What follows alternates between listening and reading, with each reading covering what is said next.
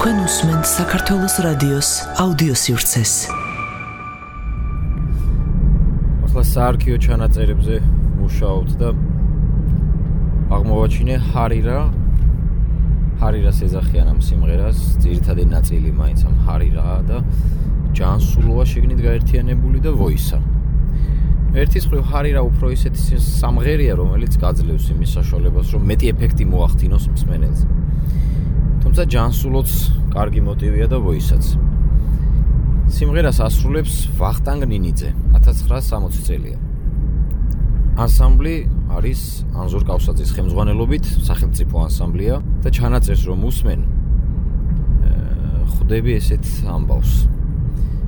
ვინც იცნობს საქართველოს მუსიკის და კულტურის ისტორიას, ტრადიციული ნაწილს გულისხმობ უფრო ხალხურ სიმღერას, გალობას, ქორეოგრაფიას. მან იცის რომ ვახტანგ ნინიძე არ იყო მომღერალი. ეს ხო მოცეკვავე, ქორეოგრაფიც კი არ იყო მოცეკვავე, რომელიც სხვადასხვა ქორეოგრაფებთან ერთად მუშაობდა. იყო მეტად სახასიათო კაცი, არტისტიზმი ჰქონდა საკმაოდ მაღალ დონის განვითარებული და კარგად ცეკვავდა სახასიათო სოლოებს. როგორც ჩანს, ანზორ კავსაძეს შეუმჩნევია მოცეკვავებისთვის ეს განსაკუთრებული მუსიკალური ნიჭი არტისტიზმთან ერთად და ვოისა ჰარირაში და ჯანსულო რომელიც შუაშია ჩასმული ამ კომბინაციაში, სიმღერის ამ კომბინაციაში, სოლო მიუცია ვახტანგ ნინიძისთვის. ამ დროს უნდა გვახსოვდეს, რომ სახელმწიფო ანსამბლში მღერის ჰამლეთ გონაშვილიდან დაწყებული რამინ მიქაბერიძე დამთავრებული შალვა კოზირიძე, არ ვიცი, რომელი ერთი ფანტასტიკური სოლისტი უნდა ჩამოთვალო, რომელმაც მე-20 საუკუნის მეორე ნახევრის ისტორია შექმნა ეს. ვარსკვლავები მღერიან ამ დროს ანსამბლში მოკლედ რომ ვთქვათ. არა, ვარსკვლავებსაც გააჩნია. ისეთი ვარსკვლავები მღერიან, რომ ალბათ მეორედ ვეღარ დაიბადებიან მსგავსი შემსრულებლები. აი ესეთი სახელმწიფო ანსამბლია მომღერლების შემადგენლობა რამდენიმე ათეულს ითვლის. და ანზორ კავსაძის გადაწყვეტილებით სოლო უნდა შეესრულებინა მოცეკვავეს ვახტანგ ნინიძის. მოკლედ იმღერეს ეს სიმღერა. და ახლა მინდა გაგიზიაროთ და მოგასმენინოთ ეს ვოისა ჯანსულო ჰარირათი ჩემ აზრს გეტყვით სანამ მოვისმენ ჩანაწერს.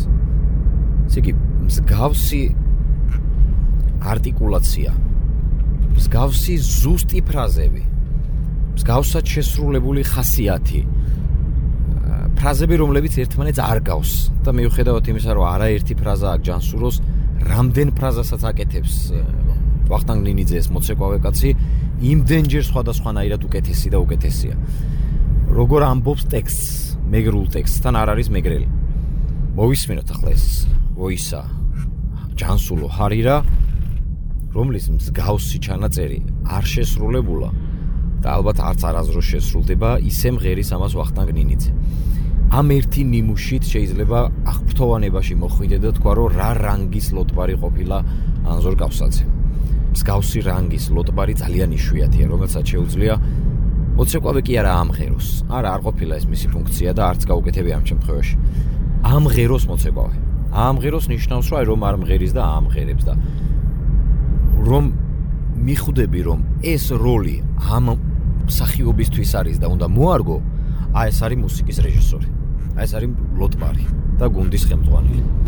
მოვისმინოთ მართლა ფანტასტიკური ნიმუშია და დიდი სიამოვნება გელიძე. ყურადღება მიაქციეთ ჯანსულოს ნაწილს.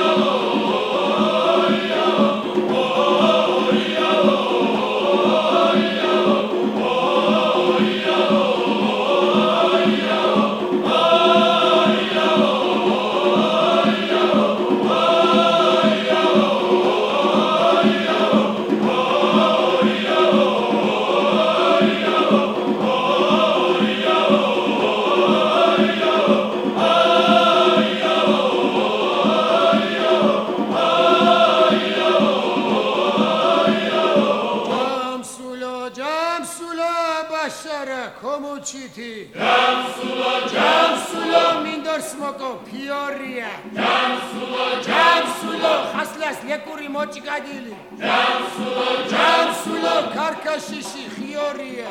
ჯამსულო ჯამსულო. ვარაყამას დებირითი ჯამსულო ჯამსულო. ოდგიში შახუგუ წვანჯი. ჯამსულო ჯამსულო მისი კოჩი მისი ჭანჯი. ჯამსულო ჯამსულო